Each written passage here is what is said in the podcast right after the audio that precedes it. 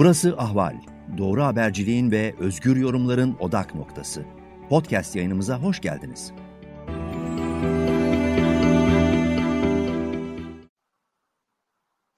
Ahval Moskova'dan programıyla herkese merhaba. Rus uzmanı Doktor Kerim Asla birlikte yine sıcak gelişmeleri değerlendirmeye devam ediyoruz. Hoş geldiniz Kerim Bey. Hoş bulduk. Merhabalar. İyi akşamlar herkese. Şimdi önce şeyle başlayalım. Putin Erdoğan yine bir telefon görüşmesi gerçekleştirdi. Bir ay aradan sonra. Zannediyorum Putin Erdoğan aradı ya da ben yanılıyor olabilirim. Bu görüşmede neler ele alındı, e, neler ele alınmadı? Onu da e, anlatırsanız onunla başlamış olalım bu hafta. Ee, işte en son Nisan 9 Nisan falan da herhalde bu uçuş yasağı gelmeden önce Putin aramıştı. Uçuş yasağı geleceğini de ifade etmiş zannediyorum o zaman Putin'e. Ukrayna meselesinden dolayı. Geçen sene e, özür dilerim. Geçen hafta Ukrayna'yı bayağı bir e, geçen ay e, Ukrayna'yı bayağı bir konuştuk hani hatırlarsanız. Evet evet. işte Sıcak, daha sıcaktı gündem. Daha sıcaktı. E, hani bir tırmanma oldu. O zaman da konuştuk. Hani bir yere kadar geldi, bir duruldu şimdi. E, bakalım yani herhalde. Onu da konuşuruz. Dolayısıyla o Nisan ayında öyleydi. Putin Ukrayna meselesi için e, asıl onun için aramıştı. Zaten uçuş yasağı falan da gelmişti. Bu sefer ise Putin tekrardan aramış. E, Kremlin'in bilgi notlarında böyle Putin aradığı zaman Putin aradı denmez. Ama karşı taraf aradığı zaman karşı tarafın aradığı yazar. Yani karşı tarafın talep talebin tar karşı taraftan geldiğinde onu yazar. Ama kendisi aradığında yazmaz. Dolayısıyla yazmadığı için biz hani Putin aradı diyebiliyoruz. Dolayısıyla burada e, Ukrayna meselesi bu son aradığında hiç görüşülmemiş belli. Yani ifade eder de hiç yok. Görüşülseydi yazardı. Yani bunu bundan emin olabiliriz. Bu şey ee, mi diğer... anlamına geliyor biraz? Onu daha sonra konuş, konuşuruz ha. da. Hani biraz daha tansiyon duruldu. Biraz evet, daha yani, öncelikli konu olmaktan çıktı anlamına mı geliyor? Biraz Rus askerleri de çıktığına dair böyle haberler de geliyor evet. ama. Ge- ge- yani var. O da bugün yine Ukrayna'yı hani ayrı konuşuruz diye ben şimdi oraya Tabii. girmiyorum. Bugün çünkü e, Amerikan Dışişleri Bakanı da Ukrayna'daydı. Zelenski orada bir e, açıklama yaptı. Tabii Ukrayna neticede söyleyen tarafta Ukrayna. Hani e, artık ne kadar doğru olup olmadığını yine Rusya için de aynı şey geçerli. Yani neticede karşı taraf onun açıklamasına göre Ukrayna e, Ukrayna sınırına yığılan o 100-150 bin Rus askeri onun ancak 3500'ü falan geri çekildiğini söylüyor Zelenski. Yani öyle büyük bir çekilme yok diyor. Hatta Sembolik 75 bin civarında da evet 75 bin civarında Rus askeri de duruyor diyor. Dolayısıyla hani o onu ben bilemem. Yani o ama hani genel olarak hani Rus devletinin e, yani askeri e, güvenlik anlayışından biraz bahsetmiştik önceden. Ukrayna'yı konuşuruz. Dolayısıyla bu Ukrayna meselesi konuşulmamış. O dikkat çekici. Onu belirteyim. E, turizm meselesinde e, özellikle aşıyla birleştirilmiş o mesele. İşte e, aşıyı konuştuklarını söylüyor. Putin hatta yani Türk tarafının açıklamasında bu yoktu. Cumhurbaşkanlığının açıklamasında. Hani Türkiye, e, Rusya tarafı ise Putin'in e, Mayıs ayında dahi olmak üzere, başlamak üzere hani Sputnik ve Sputnik 5 neyse artık e, o aşıdan sevkiyata başlayabileceğini söylüyor. Bu önemli çünkü e, ortak üretim falan da söylendi. E, dedi önceden de konuşmuştuk hani üretim kapasitesi Rusya'nın yeterli değil. E, başka ülkelerde üretmek istiyor. Ama anlaşılan Türkiye'nin de öyle bir altyapısı çok yok herhalde. Yani bilmiyorum. Hmm. Çünkü daha ziyade sevkiyattan bahsediliyor. Ama ortak üretim konusunda da imkanların değerlendirilebileceği falan konuşuluyor falan. Böyle bu tarzda bir yuvarlak bir ifade de var. Ama bu daha bir ileri bir tarih kesin. Ama sanırım şu anda Sağlık Türkiye Bakanı, kim aşı varsa elimizde aşı vardıysa herhalde atlayıp gidecek yani öyle bir modda takılıyor. Yani şu anda. biraz biraz öyle. Biraz da herhalde o komisyon meselelerinde anlaşamamış olabilirler. Yani hani işte aşı alındığı hani biliyorsunuz Çin meselesinde biraz o var. Rusya konusunda da o söz konusu olabilir. Biraz da tabii Rusya'da satmak istiyor. Bayağı bir gelir elde ediyor aşıdan. Yani işin hani silah ihracatı gibi. Dolayısıyla hmm, bu aşı aşı hani satmak istiyor ama hani 50 milyon falan doz demişti Sağlık Bakanı. Önümüzdeki 6 ay içerisinde hani bunun ne kadarı e, satın alınacak, ne kadar ortak üretim hani anlaşılan benim anladığım daha fazla böyle e, hazır hazır alım yani S400 gibi böyle bir şey söz konusu olacak gibi duruyor. Tabii onunla birlikte e, Erdoğan hani işte uçuş yasağı, e, turizm falan Rus turistler gelsin diye bir talepte bulunduğu anlaşılıyor. Orada da yine biraz yuvarlak ifade var. İşte hani Kremlin açıklamasına göre işte epi, epidemiyolojik durumun, Türkiye'deki koronavirüs vakalarının durumuna göre yani biz de bir karar alacağız tarzında bir yuvarlak bir ifade var. Hazirana yani 1 Haziran'a kadar, kadar şu anda yasak. Evet. 1 Haziran'a kadar hani yasak. Hani bu şu bir hafta 10 gün öncesine kadar daha böyle süreci uzun uzatılabileceği konuşuluyordu Rusya'da. Şu bir haftadır böyle çok konuşulmuyor. Hatta geçen İzvestiya'da haber yapmış. Ee, yani Rus turistlerden çok Türkiye konusunda hani yani tur alanlar zarara uğramadı. Yüzde 86'sı falan bir şekilde başka taraflara yönlendirilebildiler başka ülkelere yine turizm olarak hani tatil için gitme imkanına kavuştular falan gibi. İşte kimileri de işte Rusya'da tatil yapma şeylerini e, imkanlarından yararlandılar gibi. Yani böyle bir şey de var. Hani 1 Haziran'da kalkabilir, kalkmayabilir tam emin değilim. Biraz daha sanki zaten hani 20 gün 25 gün daha bir Türkiye'de karantina var. Onu biraz beklemek Çavuş, lazım. Çavuşoğlu gerçi güven verdi bugün. Yani ülkelere yani baktığımız zaman da. O da yani Çavuşoğlu da yani şu dışlarının başına neyse yani çocuğu koysanız 10 yaşında, 3 yaşında, 5 yaşında daha daha iyi bir bakanlık yapar yani. Yüzde bir milyon yani hiçbir tereddütüm yok. Yani hani turistin görebileceği herkesi aşılayacağız gibi. Yani bir insan böyle kendi hele ki, hele ki e, yani böyle aşının olmadığı bir dönemde insanların böyle aşı isyan ettiği dönemde böyle bir açıklama hakikaten yani rezil yani berbat bir durum. Yani o içler acısı dışlarının durumu. Yani ülkenin her tarafı dökülüyor da hani biz dış politika daha çok konuştuğumuz için yani o evet. ayrı bir dökülüyor yani. Her biri kendi e, şeylerinde çaplarında zirveyi oynuyorlar yani o anlamda hani. Neyse evet. dolayısıyla bu aşı meselesi önemli. Aşı e, daha çok dediğim gibi e, Türkiye'nin de aşı alıp almayacağıyla da sanki ilgili gibi de geliyor bu turizm meselesi. Yani yasak kalkıp hmm. kalkmayacağı. Bir taraftan tabii Mayıs tatili var şu an Rusya'da. Bu 10 gün 1 Mayıs 10 Mayıs her yıl yani bu böyledir. Bu yeni bir şey değil. Resmi e, tatildir. Resmi tatil değilse bile bunu uzatırlar yani onu bağ, bağlarlar. 1 Mayıs'la 9 Mayıs tatilini böyle bağlarlar genelde Ruslar. Dolayısıyla bir, bir rahatlık da var. 10 Mayıs'tan sonra biraz daha bu konuda bence e, tartışmalar daha da fazla artar. Şu an mesela yani bu tatil günlerinde Ruslarda o vardır. Yani Türkiye'de falan yoktur da böyle gazeteler basılmaz, basılır basılmaz, kimisi basar, kimisi çıkar gazetelerin. Yani televizyonlar ona göre yayın yapar. Ruslarda böyledir yani tatil olduğu zaman hani medya çok aktif olmaz e, yazma yani çıkar ama çok nadirdir yani böyle bir gün basar, üç gün tatil yapar. Dolayısıyla bir, şu an bir dinginlik var Rusya'da 10, May, 10 Mayıs'a kadar. Bu e, önemli. E, aşı ve turizm meselesi. Bir belirsizlik var ama onu belirteyim. Tabii Türkiye'deki karantinanın sonuçları rakamları ne kadar aşağıya çekecekleri de önemli. Yani hani onu resmiyette ne açıklayacakları da önemli. Hani gerçeği kimse bilemez de belki ama hani resmiyette 5000'e kadar çektik mi vaka sayısını diye. Çünkü Ruslar hani 100 e, ne diyorlardı 1 milyonda mı 5 bindi bir, bir onların bir oranları var yani genel olarak hani o, o orana kadar düşmesini istiyorlar biraz da. Bakalım yani o çekebilirler. Hani Türkiye resmi yani, olarak onu çekebilir yani. Erdoğan, 17 Erdoğan Mayıs'tan sonra.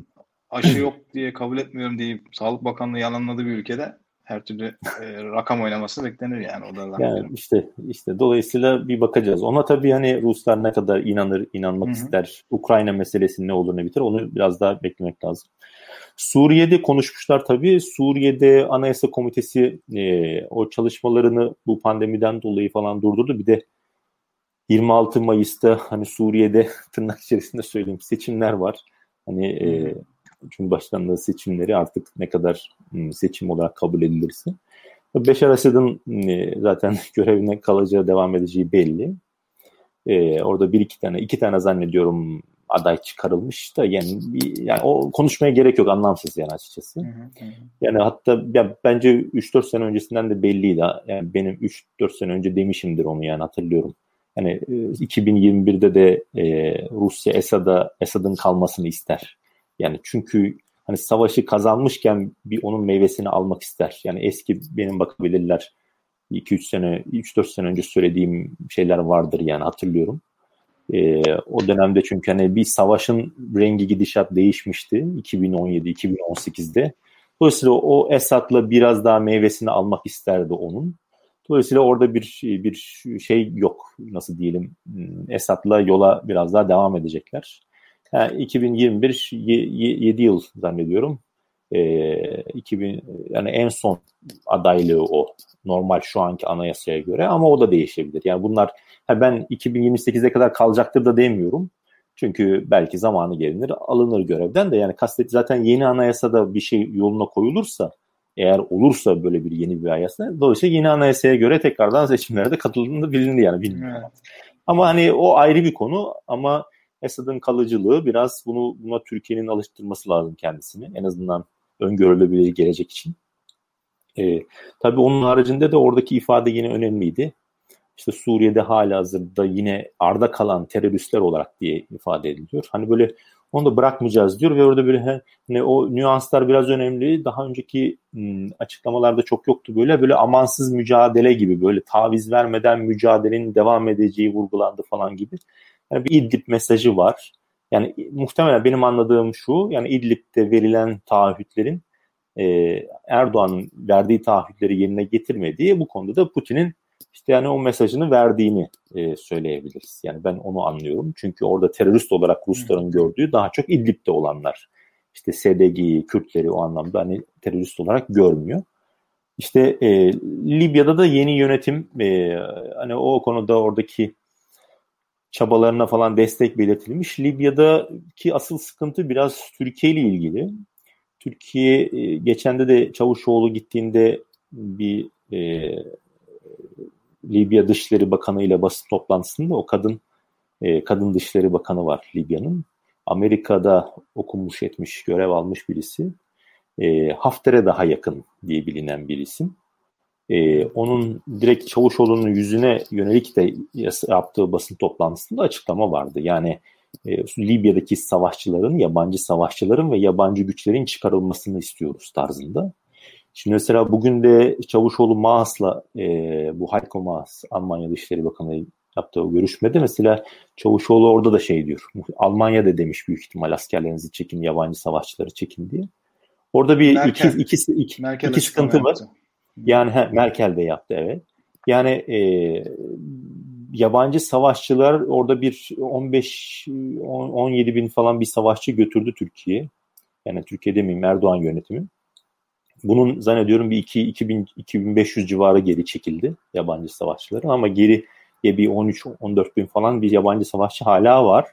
Ama Çavuşoğlu'nun bugünkü açıklamalarından benim anladığım Türkiye tarafının asıl rahatsız olduğu husus orada çünkü şunu söylüyor Çavuşoğlu. Yabancı savaşçıların çekilmesi neyse de diyor o paragrafı okursanız öyle. Ee, ama diyor oradaki hükümetle yapılan meşru anlaşmalarla diyor orada bulunan diyor askeri güçlerin diyor danışmanların diyor yani yabancı ülke danışmanlarının askerlerinin çekilmesi diyor bu konuda baskı yapılması üçüncü taraflar tarafından da bu çok kabul edilemez diyor. Yani hani orada belki savaşçıları çekeriz ama en azından biz kalalım anlamında bir ifade. Ben öyle anladım en azından. Evet, yani Çavuşoğlu'nun ne dediğine hiç önem vermiyorum da ama oradaki rahatsızlığı göstermesi açısından hani biraz da. Dolayısıyla yabancı Sadece savaşçıları çekeriz. Bir de e, Mısır'dan da Mısır devlet medyasına tabii, yakın tabii, tabii, kaynaklardan tabii. da bu müzakereler şart olarak bu Libya mevzusu, mevzusu sürülmüş mesela. Zannediyorum orada o, biraz da baskı her yerden geliyor artık. Almanya, Rusya o, belki Mısır kesinlikle. şimdi. Aynen yani ben de öyle düşünüyorum. O baskı e, hissediliyor Mısır'da dediğiniz gibi diye. Ama hani e, ev sahibi ülke olarak biraz da o anlamda söyledim. Yoksa hani e, o baskı her taraftan var. Tabii Rusya Wagner askerlerini benim değil diyor yani Rus vatandaşı olabilir ama Rusya devletini şey yapmıyor. Onu tanımadığı için onun daha çok finansmanı Birleşik Arap Emirlikleri'nden sağlanıyor. Dolayısıyla orada Birleşik Arap Emirlikleri konuşacaksınız. Konuşun diyor yani. Hani beni ilgilendirmiyor diyor. Zaten resmi olarak Türkiye gibi hiçbir zaman hiçbir ülke zaten oraya asker savaşçı gönderdiğini kabul etmedi zaten. Ne Fransa'sı ne Mısır'ı ne diğeri. Dolayısıyla orada yük Türkiye'nin üzerine. Erdoğan bizzat kendisi dedi bizim oraya dedi gönderdiğimiz dedi başka başka dedi bir gruplar var dedi bir şeyler vardı dedi bir şeyler söyledi biliyorsunuz bir iki sene önce. Dolayısıyla onu evet. yani o tarz böyle açıktan oynayan zaten o anlamda Türkiye'den başka bir ülke söz konusu değildi. Bu dolayısıyla Bu meselede zannediyorum e, o konuda hani Rusya kendi te, kendine yönelik telkinli yapmış gibi duruyor ama hani Rusya şu an Libya'daki gidişattan ben hani gördüğüm kadarıyla bir rahatsızlık öyle bir pek bir rahatsızlığı yok. Bundan bir memnuniyet var. 24 Aralık zannediyorum Libya'da seçimler olacak. Seçimlere kadar bu şu anki geçici yönetim e, götürüyor, götürecek. E, ama bir destek de sanki almış gibi kamuoyundan yani dünya kamuoyundan. Bakalım yani daha vakit var. Bu e, uzun oldu. Biraz da Karabağ böyle bir cümleyle geçiyor ama e, sanki böyle üstün körü geç, geçilmiş gibi geldiydi bana. Bir, çok bir detay yok. E, Karabağ'da belki zaman kalırsa konuşuruz. Karabağ'da da bir iki sıkıntı evet. var. Bugün bugün de Lavrov yine e, Yerivan'daydı, Ermenistan'daydı. 10 Mayıs'ta da e, Bakü'ye gidecek. Dolayısıyla e, bir iki görüşme oldu zaten.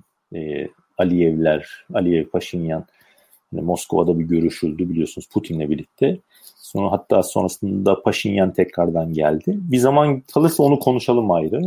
Çünkü orada esirlerle tabii, ilgili tabii, sorunlar tabii. var. Dolayısıyla hani Karabağ'da bu şekilde genel hatlarıyla biraz konuşulmuş ama çok bir somut bir şey şu an orada yok. Yani e, iki görüşmede en azından bir yansıyan Ukrayna, durum yok.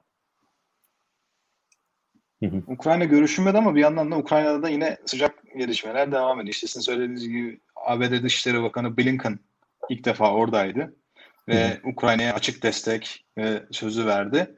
Bunların dışında da BBC'ye bir mülakat veriyor Blinken. Orada da Rusya'yı saldırgan olmakla suçlayıp bunun karşılıksız kalmayacağını söylüyor. Ama biraz da bir ABD'deki yönetimde de biraz böyle bir yani farklı açıklamalar gelmeye başlıyor. Mesela yakın zamanda Biden'dan yapılan açıklamada şu e, mesaj verilmişti sanki. Herkes öyle yorumlamıştı en azından.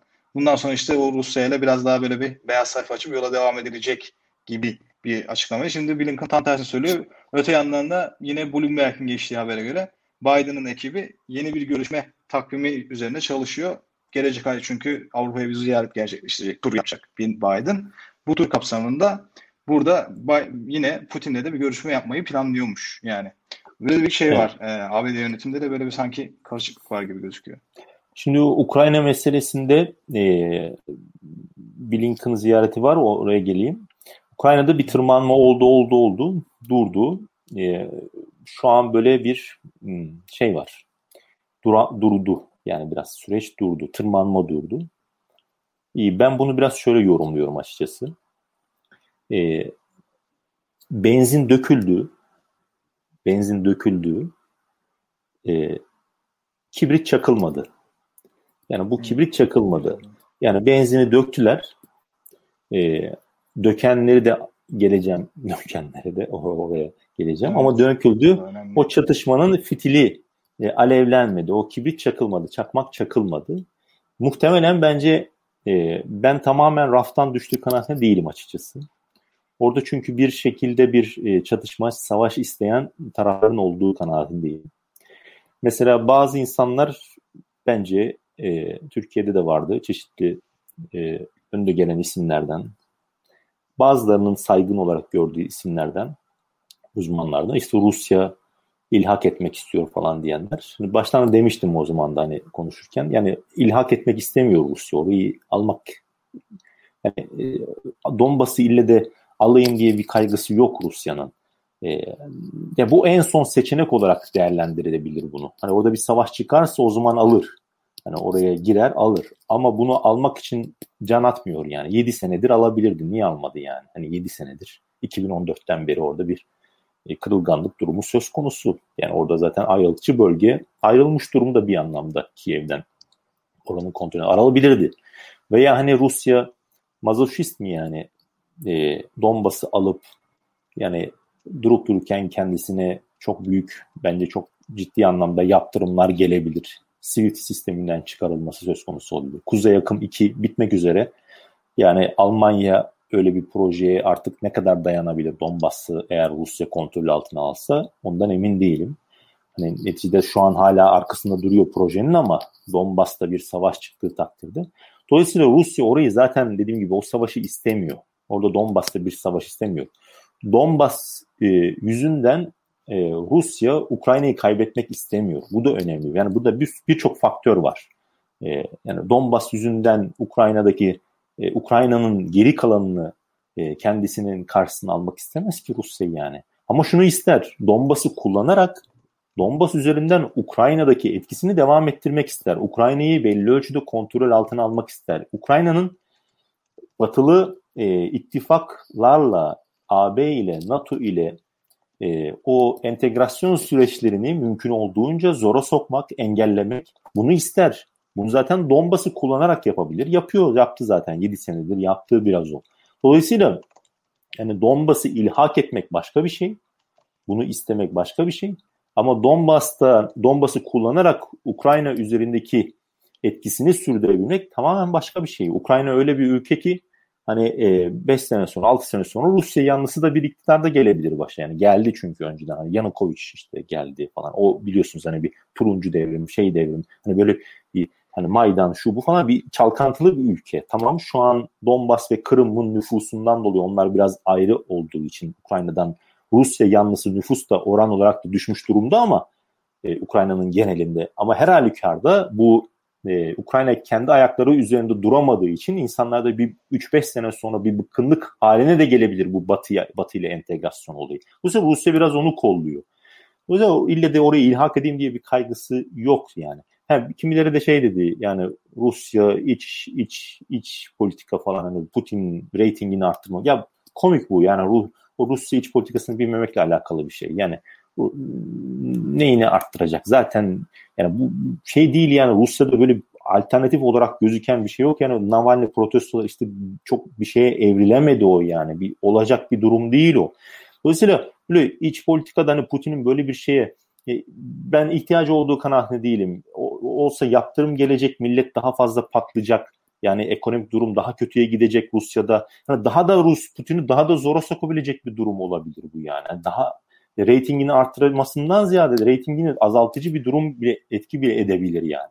Ve, ve yine son olarak hani Donbass'la ilgili o Donbass'ta insanlar Rusya'da Kırım gibi değil. Kırım'a destek, Kırım'ın ilhakında destek çok fazlaydı. Putin'in reytingi çok arttı. Ama Donbass'ı ilhak edelim diyen Rusların oranı bir önceki yayında da konuşmuştuk. Yani böyle %25'i falan geçmiyor yani. Dolayısıyla Donbass öyle Kırım gibi sembolik bir öneme sahip bir yer değil. Böyle reytingini arttıracak falan, milliyetçiliği oynayacak. Öyle bir durum değil. Duma seçimleri var Eylül'de. Yani şu an Rusya gidip Donbass'ı alacaktı da işte şey rap yaptırımları şu su Avrupa ile hani bir savaşa girmesi falan bunu sürdürmesi orada ya bunu isteyecek bir hani aklı başından hiçbir Rus bunu istemez yani öyle söyleyeyim bence öyleydi. Ama nedir? Orada bir savaş çıkarsa buna cevap verir, oraya girer. Son seçenek olarak orayı ilhak eder. Orayı ilhak etmenin ötesinde onu demiştim. Daha da gider yani. O Donbas şu anki o sınırlar da büyür bence. Kırım'a kadar da uzanabilir yani. Orada başka hedeflerin de hayata geçirmek isteyebilir Rusya. İşte Kırım'ın su sorunu var. Örneğin su sorununu halledebilecek kadar ileriye de gidebilir yani. Donbas'ı Kırım'a da bağlayabilir bu anlamda. Eğer orada bir savaş çıkarsa. O başka bir konu. Dolayısıyla orada asıl benzini dökenler yani benzini döken yani benim burada bir gıcıktığım bir şeyim yok yani bunu söyleyeyim. Yani e, ama İngiltere olduğunu bunu bir vurma, vurgulamam lazım. Orada o benzini döktüler biraz. E, Kırım İngiltere, platformu. Sessiz bir oyuncu hemen hemen her yerde. Suriye'de, ha, bu, Libya'da, Kıbrıs hatta Kıbrıs'ta, Kıbrıs'ta bile Kıbrıs'ta. işte yakında ağanın haberi vardı yani KKTC'yi tanımayı planlıyor gibisinden mesela. Yani bunu e, Kıbrıs bile ayrı bir benden yan gözle takip ediyorum uzmanlık alanım değil. Ama orada bile o zaten direkt gözüküyor. Hı hı. Ee, yani şimdi dediğim gibi İngilizlere yönelik hiçbir negatif şeyim yok. Yani öyle bir millet ayrım, ırkçılık şeyim falan yok. Ama siyaseten biraz yani şöyle bir benzetme yapayım. Yani şimdi Ruslar böyle maddenin üç hali vardır ya, maddenin üç hali vardır. Ee, hani katı hali, sıvı hali, gaz hali. Hani yani Ruslar katı hali gibidir. Y- yığar işte askeri yani yığar. Ee, ben veririm mesajımı der gider oraya sabah girerim ben der yani Donbas'ı alırım yani Donbas için savaşırım mesajı verdi. Katı hali net. Tankları gösterdi, füzeleri gösterdi yani. Sıvı hali, maddenin sıvı hali olarak ben işte böyle biraz Amerika'yı, Avrupa'yı, kıta Avrupa'sını, Amerika'yı da yine biraz benzetiyorum. Amerika diyelim daha çok hadi. Yani işte nedir? Hem diktatörlerle işbirliği yapabilir. İşte Suudi Arabistan, işte Türkiye, işte Erdoğan. Hem de işte Mısır, Sisi falan. Ama hem Avrupa transatlantik ilişkiler e, demokrasi, demokrasi bayraktarlığı, açık toplum, şeffaf. Bunlar yani güzel. Benim de şey yaptığım hususlar bunlar yani desteklediğim konular. Ama yani sıvı hali hem onunla hem onunla. Yani bir bardak işte hani katı su yani sıvı hali olarak onunla da işbirliği bununla da işbirliği yapar yani. Çin en büyük ortaklarından bir tanesi ticaret ortaklarından. Her ne kadar jeopolitik rekabet ciddi anlamda sürse de yani devlet tahvilleri falan şu bu baktığınızda Çin e, yani dolayısıyla diktatör der ama işbirliği yapar. Sıvı hali. Ha, Rusya diktatör arkasında durur yani. Esad durur arkasında yani anlatabiliyor muyum? Katı hali net yani anlatabiliyor muyum? Şey yok. E, ve demokrasilerle de çok hani anlaşamadığı birçok demokrasi de vardır yani. Anlaştığı da vardır da ama buhar hali var bir de şeyin yani. Hani maddenin hani e, buhar işte suyun. E, İngiltere yani bu, bu tutamıyorsunuz. E, yani net şeyiniz yok. E, nasıl diyelim ne böyle, oldu belli değil diyorsunuz. Ne, yani. Hani e, görü şey yapı hissediyorsunuz onu tamam mı? Parmağını şusunu busunu hani elini kolunu bir şey var burada etkisi. Ama evet hani dedim ya bir portakal işte portakal bir kokusunu alıyorsunuz, e, elliyorsunuz hafif yumuşak, işte yuvarlak falan diyorsunuz. Bu portakal diyorsunuz ama portakalı görmüyorsunuz biraz yani. Tamam Bu böyle maddenin gaz hali İngiltere gibi. Dolayısıyla katı haliyle gaz hali mesela Amerika ile Rusya anlaşabilir. Anlaşabileceği çok nokta vardır bence. Bakın ben size söyleyeyim. Çok nokta vardır yani. işte Suriye'sinden silahlanmaya, işte başka başka konulara yani birçok konu vardır. İran mesela şu bu falan.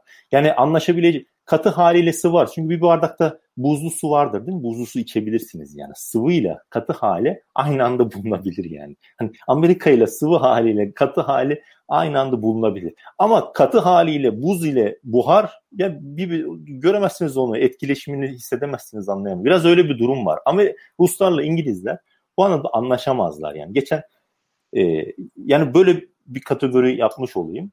Geçen hatta RIAK var burada Rusya'nın en önemli hani think tanklerinden biri. Daha, daha doğrusu bence ilk sıradaki think tank'i. E, e, şey e, araştırma merkezi. Onların Rusya ile yaptığı İngiltere'deki e, kraliyet think tank'i diye geçer. E, işte analitik ana, araştırmalar merkezi. Dünyanın en eski think tank'i zannediyorum Rusya. Oraya yaptığı bir seminer var. Şeyler Ruslar yayınlamışlar şeyi, e, dökümünü, özetini böyle.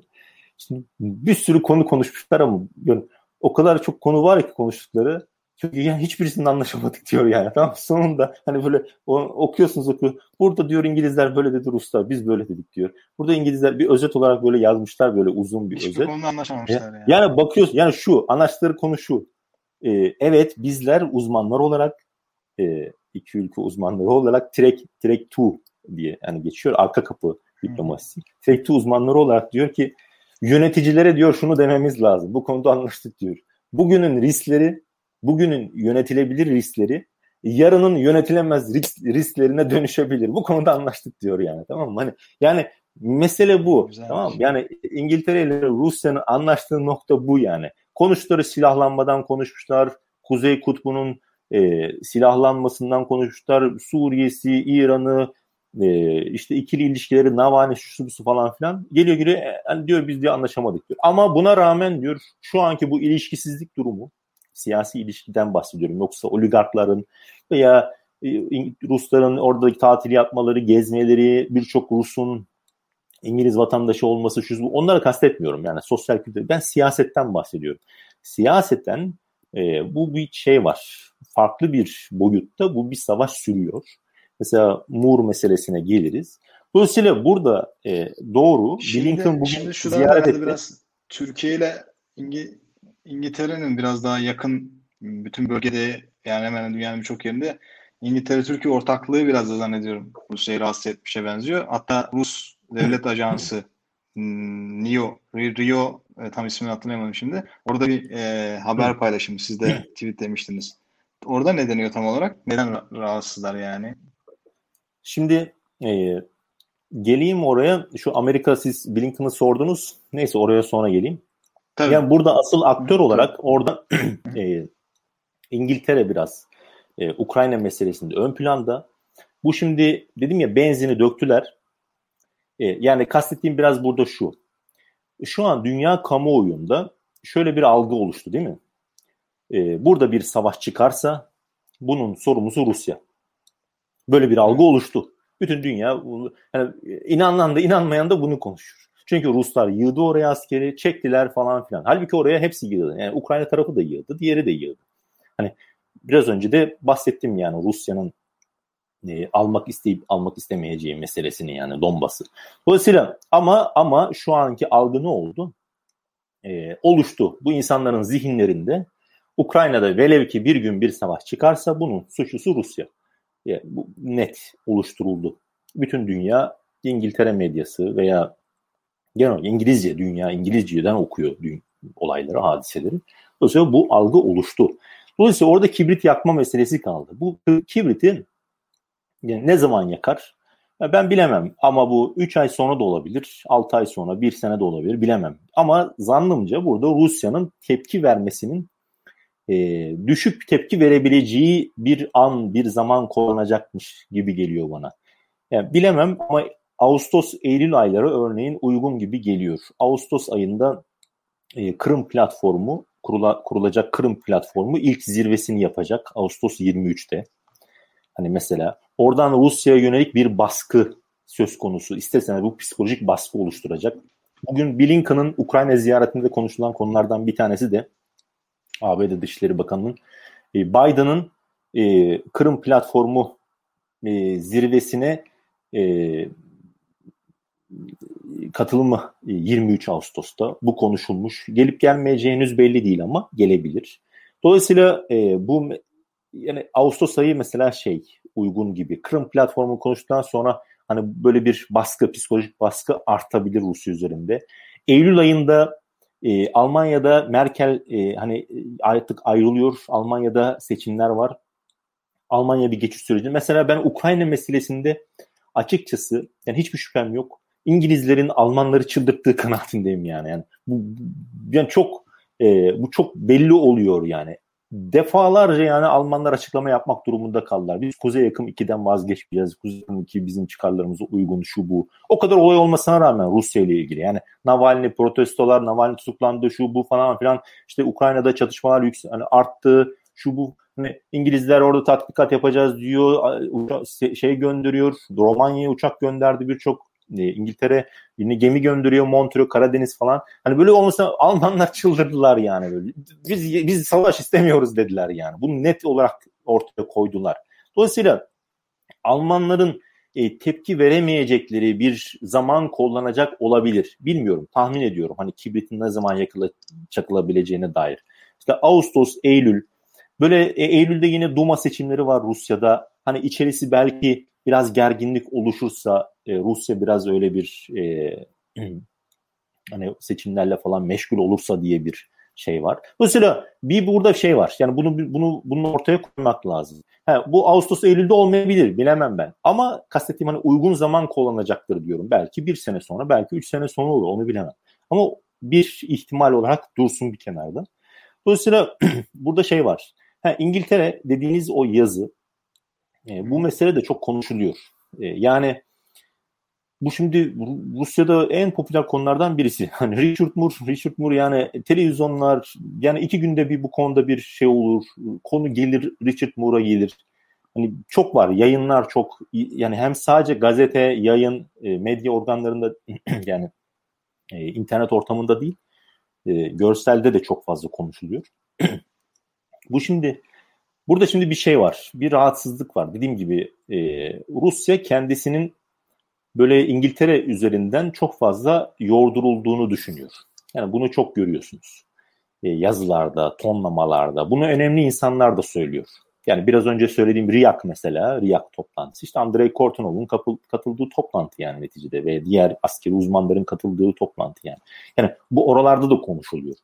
Tamam yani bir şey var. Böyle sadece e, Kremlin yandaşı veya böyle hani e, yandaşlıkta artık rezil durumda olan gazeteci şu, onları kastetmiyorum sadece. Genel olarak bir şey var. Şimdi burada e, hani Mur burada hani ille de bir saplantı haline benim öyle bir şeyim yok da konuşulduğu için isterseniz ben de Rusya'yı takip eden birisi olarak bundan bahsetmek durumundasınız. Bir e, dediğim gibi İngiltere üzerinden bir yorulması işte Erdoğan'ın kullanılması İngiltere tarafından kullanılması bir çeşit koçbaşı olarak kullanılması. Sesiniz gitti sizin söylediğinizi söyledim aslında. Yorum yapanlardan birisi demiş de koçbaşı olarak Erdoğan kullanıyor diye İngiltere yani tarafından. Bu, bunu işte bir, bir, bir yıl kadar önce falan hatta belki daha öncesinde de, demiştim. Ben Ruslar da hatta aynı bu kelimeyi kullandılar birkaç defa yani koçbaşı olarak e, kullanıldığına dair Erdoğan. Ya burada hep dönüp dönüp dolaşıp ama İngiltere konusu ne zaman yazılsa çizilse bakın ya bu yüzde bir mil yani hepsi için geçerli. Bütün yazılar konuşulanlar için öyle dönüp dolaşıp iş 15 Temmuz'a bağlanıyor. Bu bu yazıda da vardı. Önceki yazılarda da vardı. Ne deniyor Hepsini, o hep, konuda? Yani bu deniyor ki İngiltere ile Erdoğan. Bu arada bunu da yine bir, bir altın çizmek lazım. Rus devlet ajansından bahsediyoruz değil mi?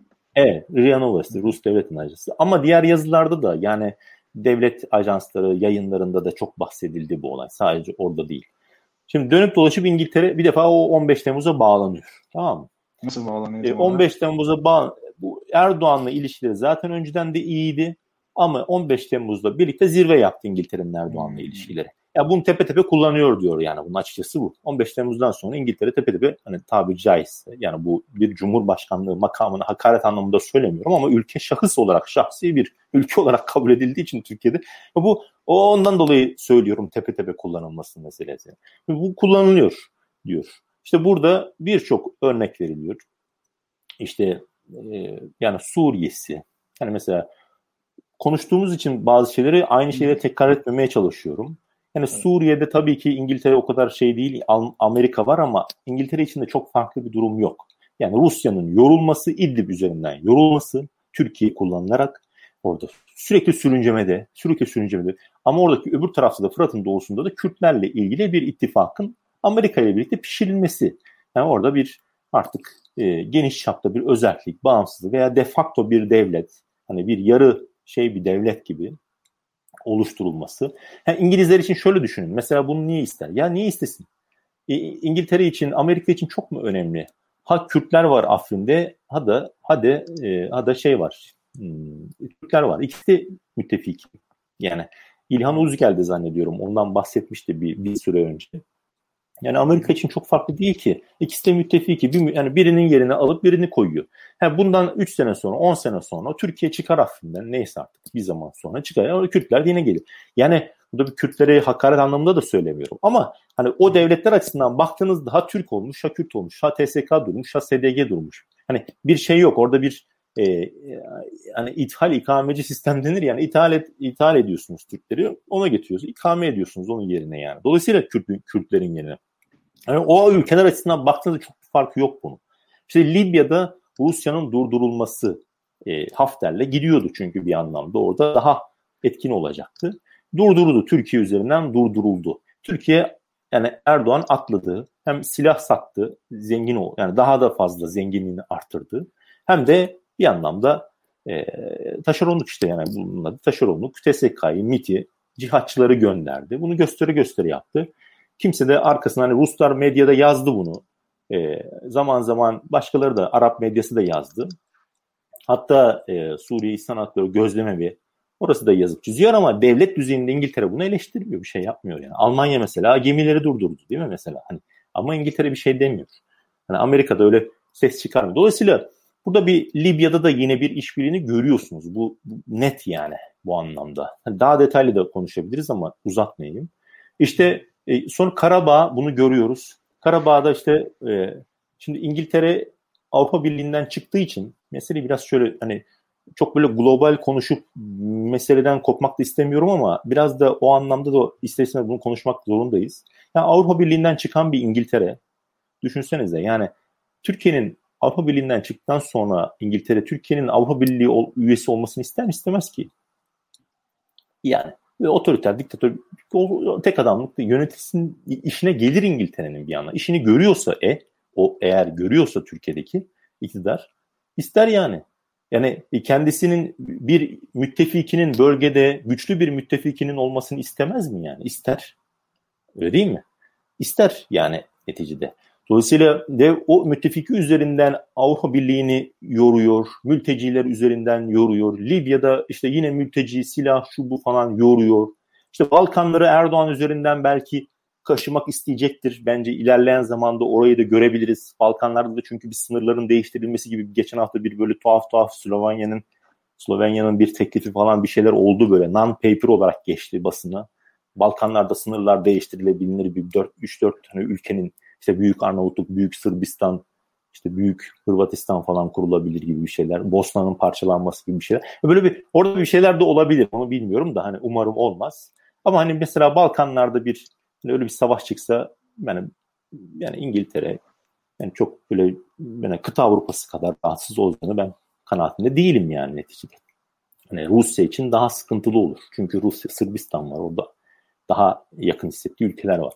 İşte mesela Karabağ dediğim gibi e, Azerbaycan gaz demek, petrol demek. BP'nin zaten müthiş yatırımları var 90'lardan beri Azerbaycan'da. E, e, yani bu anlamda yani o Bakü Tiflis, Ceyhan, Erzurum, şusu busu hep bütün TANAP bunlarda hep BP'de var. Dolayısıyla BP'yi geçtim yani genel olarak oradaki asıl strateji Rusya'nın e, dediğim BP gibi şey olması. İngiliz bu arada değil mi? Tabii evet. Yani e, Rusya'nın dengelenmesi veya işte iç, e, kendi içine hapsedilmesiydi. O savaşta ne oldu? İngiltere Azerbaycan yanında saf tuttu. Türkiye'ye destek verdi. Hani e, o anlamda. E, SİHA'lar olsun, şunlar bunlar olsun. Hatta Ermenistan'a Fransa destek verdi. Ama Fransa'nın karşısında bir Avrupa Birliği üyesi olarak ama Fransa'nın karşısında bir anlamda o da farklı bir level'da İngiltere durdu orada yani. Bu sene bu böyle. Ukrayna dediğim biraz önce anlattığım Almanya'nın rahatsız olması, Rusya'nın rahatsız edilmesi. Ha, günün sonunda bu politikalar İngiltere'nin istediği tam yüzde yüz olmuyor. Yani bu da bir ayrı. Yani Rusya'nın da kazançları oldu Karabağ'ın. Ama kastettiğim benim burada o politikanın tatbik edilmesiyle sonuçları arasında farklar olabilir. O başka bir şey. Çünkü bir, bir sürü faktör var işin içerisinde. Ama hedef var yani. Bir hedef var. Mesela Britanya ne, ne, ne dedi? Geçtiğimiz bir iki ay önce yeni konsept belirledi. Ee, Global Britain diye geçiyor değil mi? Yeni dış global yani büyük işte global Britanya değişiyor. Avrupa Birliği'nden artık ayrı bir dış politika yürütmek zaten öyle de önceden de öyleydi ama şimdi daha da farklı bir global bir dış Amerika, politika yürütmek Rusya, durumunda İngiltere gibi yani üçüncü bir güç yani, olarak. Evet. Heh, yani öyle bir e, eğer burada diyor yeni bir dünya kuruluyorsa Çin, e, Amerika falan ama bir taraftan hani İngiltere de eski gücü gibi bir güce kavuşması o kadar olmasa bile yani kendi oyununu oynaması kadar normal bir şey yok. Ben onda saygı duyuyorum. Onda da hiçbir şey yok. Yani ben burada Rusyacı, İngilizce o anlamda söylemiyorum. Yani okuma biçimimden bahsediyorum. Dolayısıyla burada hani İngiltere'nin yeni konseptinde bu Global Britain olarak işte orada mesela en e, acil tehdit olarak gör, görülen şey orada Çin, Rusya olarak geçiyor. Mesela İngiltere'nin o yeni konseptinde yani. Anlatabiliyor muyum? Hani make Britain great again. Hani işte şeydeki e, Amerika'daki hani seçimlerdeki gibi işte Amerika'yı yeniden büyük yapacağız. İşte İngiltere'yi tekrardan büyük yapacağız. Global yapacağız anlamında böyle bir şey var. Şu an İngiltere'de bir dış politika izleniyor. bir taraftan Çin işte Çin'e yönelik e, e, mesela bu Blinken'la mesela G7 zirvesi vardı geçen e, Londra'da yine. Mesela orada da bakıyorsunuz bakıyorsunuz Blinken e, mesela Ukrayna ziyareti e, e, özür dilerim e, işte bu Londra G7 zirvesinde mesela Blinken Rusya mesela biraz daha yumuşak. Yani bir, mesela Dominic Raab'a göre İngiliz Dışişleri Bakanı'na göre oradaki açıklamalarda, toplantılarda, basit toplantılarında o kadar sert konuşuyor ki Raab, Dominic Raab. Rusya'nın dezenformasyon merkezlerine karşı, propaganda şeylerine karşı şey yapacağız. E, e, engel olmaya çalışacağız. Bu konuda bütün işte bu G7 olarak şey yapacağız. Tamam yani, yani propaganda merkezlerine karşı ama üsluba bakıyorsunuz hep sürekli Rusya, Rusya, Rusya, Rusya. Mesela Blinken onun yanında hep daha çok Çin'i eleştirdi. Çin'e yönelik hmm. sert açıklamalarda bulundu. Rusya'ya yönelik yumuşak açıklamalarda bulundu bence yani. yani ikisini karşılaştırdığınızda bayağı bir fark var. Burada Britanya e, mesela Moore e, ona da geleyim. Yani Britanya şey yapıyor. Çin'le iş götürülebileceğini düşünüyor benim gördüğüm kadarıyla. Yani İngiltere Çin'le bir şekilde iş götürülebileceğini düşünüyor. Asıl tehdit olarak Rusya'yı görüyor. Bu sefer Rusya ile uğraşıyor biraz. Mesela Kıbrıs'ta da aynı şey geçerli. Yani Kıbrıs'ta da bu yani iki toplumlu çözüm falan bir Britanya'nın bir birkaç ay önce bir e, bir teklif sunduğu falan bunun konuşuldu. Hatta e, dün yine Ahval'de bir yayın vardı. O da çok güzeldi yani. Yavuz Baydar, evet. Ergun Babahan, Nesrin Nas e, Kıbrıs'tan bir milletvekili vardı CHP partisi. İsmini unuttum. Asım Akansoy. Özür. Heh, yani mesela o da o da o, o program mesela bence muhakkak dinlesinler izleyiciler, izlesinler. Yani o Kıbrıs konusunda çok güzel anlattı, tabloyu çok güzel çizdi. O da öyle diyor. Yani burada diyor Cenevre görüşmeleri diyor. İngilizlerin zaten geri döndüler diyor. Yani zaten oradalar da hani iki üssü var İngiltere'nin Kıbrıs'ta. Ama ağırlıklarına çok daha fazla hissettirdiler ve Türk yani burada şey Türkiye biraz orada kullanılıyor. Yani şöyle düşünün. Mesela İstanbul'dan Ankara'ya gideceksiniz arabayla. Tamam Türkiye sizi Bolu'ya kadar götürüyor. Çünkü Tür, e, İngilizler Bolu'ya gitmek istiyor tamam mı mesela yani. Türkiye Ankara'ya gitmek istiyor. Hani e, İstanbul'dan arabayı Ankara'ya götürmek istiyor. Ee, İngilizler diyor ki zaten diyor bu diyor götürüyor diyor Bolu'da biz diyor bunu durdururuz diyor yani. Çünkü güvenlik konseyi daimi üyesiyiz biz. Ne dersek onu yapıyor zaten bu. Dolayısıyla orada Türkiye Erdoğan'ı kullanıyor. Yani İstanbul'dan arabaya götürürken Bolu'da zaten durduracağım ben onu. Diyor ki desentralize, desentralize e, federasyon İngiltere istiyor daha fazla. Türkiye Erdoğan ilhaka kadar götürüyor bunu. Yani iki de bağımsız devlet olsun. Kıbrıs Türk Cumhuriyeti, Güney Kıbrıs bunlar tanınsın. iki bağımsız biz de zamanı gelince ilhak ederiz diye belki de bakıyor Türkiye. Yani Erdoğan daha da böyle iki bağımsız devlet tam anlamıyla bağımsız, eşit uluslararası hukuki statüye sahip. Yani zamanı gelince biz de onu ilhak ederiz. İşte e, Türkiye büyür eder falan filan yani. İngilizler ilhaka kadar götürmüyor olayı tabii haliyle. Türkiye'nin ilhakına kadar götürmüyor. Desentralize, desentralize federasyondan bahsediyor. Yani e, merkezileş, merkeziliği azaltılmış, e, minimuma indirilmiş, yok edilmiş veya minimuma indirilmiş bir federasyon. Yani yine bir tek bir e, devletten bahsediyoruz ama iki toplumun iki ayrı çok yani bir tek AB konularında politikalarında bir e, federal merkezin söz hakkı var. Diğer konularda şey tek temsil falan filan. Ama neticede İngilizlerin, İngiltere'nin planına uygun işliyormuş gibi geliyor şu an. Mesela Cenevre görüşme. Tamam sonuçsuz kaldı. Zaten sonuçsuzluk da o anlamda işlerine geliyor bir an. Çünkü İngiltere'nin Kıbrıs'ta iki üssü var. E, birleş, ada birleştiği zaman e, ilk konuşulacak konulardan birisi ne olacak? E, e, üslerin burada ne işi var diyecekler yani değil mi? Yani neticede ada birleşse, Kıbrıs adası birleşse e, o zaman üstlere ne işimiz ne işi var burada diye o konuşulmaya başlanacak. Hani garantör ülke zaten. Bu süre ama veya hani Kıbrıs düşünüldüğünde nedir? İngiltere, e, Doğu Akdeniz, Doğu Akdeniz'de birçok aktör var. Rusya zaten e, orada nüfuzunu arttır, arttırıyor. Her ülkeyle belli ölçüde ciddi yakın ilişkileri var. Yani İsrail'inden Mısır'ına, Filistin'inden e, işte Suriye'si şu subusuna kadar yani Doğu Akdeniz dediğinizde. Dolayısıyla orada Rusya'nın bir şekilde durdurulması. Yine Avrupa Birliği'nin böyle Kıbrıs sorunu üzerinden, Erdoğan üzerinden yorulması, meşgul olması. Meşgul olunca ne oluyor? İngilizleri yani o anlamda nasıl mesela İdlib'de meşgul olunca Rusya Kürtleri çok konuşamıyorsunuz yani. Kürtlere ne vereceğiz, ne yapacağız, ne edeceğiz diye konuşamıyorsunuz. Konuşuyorsunuz ama ikinci planda kalıyor İdlib Aynı şekilde Kıbrıs böyle orası karışırsa, orası böyle çözümsüz olursa, Erdoğan oradan Avrupa Birliği'ni yorarsa yani bir şekilde İngiltere'nin oradaki varlığı zaten hiç tartışma konusu bile olmayacak. Yani veya Rusya ile o mücadele alanı yani Mur, Mur yani Richard Mur e, Rusya ile ilişkileri çok jeopolitik düzlemde okudu, okuduğunu e, düşünüyor. Richard Moore hatırlatalım hani biliyorlar muhtemelen de hani yine de hatırlamak için eski Türkiye Büyükelçisi Aynı hmm. zamanda da şu anda MI6'in yani İngiliz istihbaratının başına geçmiş önemli bir isim. Yani İngiliz istihbaratının başında onu işte Ria Novosti'nin o analizinde e, ben bilmiyordum da oradan gördüm. Yani o medyada da çıkmış zamanında. Mur hmm, 15 Temmuz'da da biliyorsunuz o Murat Yetkin'le bir konuşması diyaloğu vardı. Sizin askerler ne yapıyor, hmm. ne yapıyor, ne, ne biliyor falan.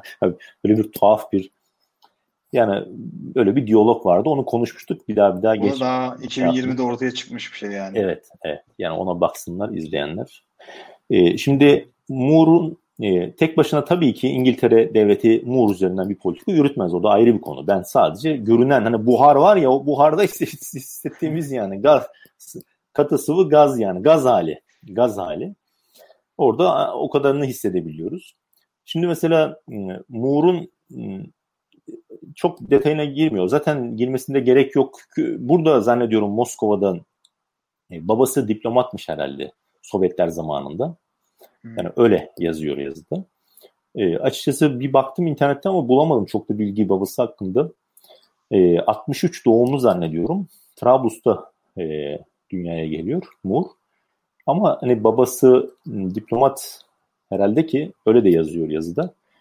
E, Moskova'ya geliyor. Çünkü Sovyetler de gelmek o dönemde yaşamak falan yani ancak diplomat olabilirsiniz herhalde yani. Hmm. Dolayısıyla 68 yılında yani 5-6 yaşlarındayken buralardaymış. Yani, yani küçükken neticede yani. O dönemin diplomatı yani. demek de istihbaratçı demek yani doğrudan benim gözümde mesela. Yani e, işte e, yani ilişki ağları böyle. E, bu bir suç değil, bir şey değil. Bu başka bir konu. Ben sadece evet. yazıda bahsedildi diye şey yapıyorum. Yani kimden konuştuğumuzun bilelim diye söylüyorum. Onun attığı bir tweet üzerinden 2019 Aralık ayında tweet atmış Mur. E, internette var bulabilirsiniz Twitter'dan. Yani 2019 Aralık ayında Moskova'ya gelmiş. Aradan 51 yıl sonra 68 yılında burayı terk etmişler. Moskova'dan ayrılmışlar. Kendisi 5 yaşındayken, 5-6 yaşındayken. 51 yıl sonra 2019'da Moskova'ya gelmiş e, ilk defa. Ta o ayrıldıktan sonra ilk defa gelmiş. O tweetinde de şey diyor ya benim diyor ilk yani ilk çocukluk anılarım diyor gözümde burada canlanıyor diyor. Yani ben kendi çocukluğumu diyor ilk olarak buradan hatırlıyorum diyor. Tabii yani bir insan en fazla 5-6 yaşlarına kadar hatırlayabilir ancak.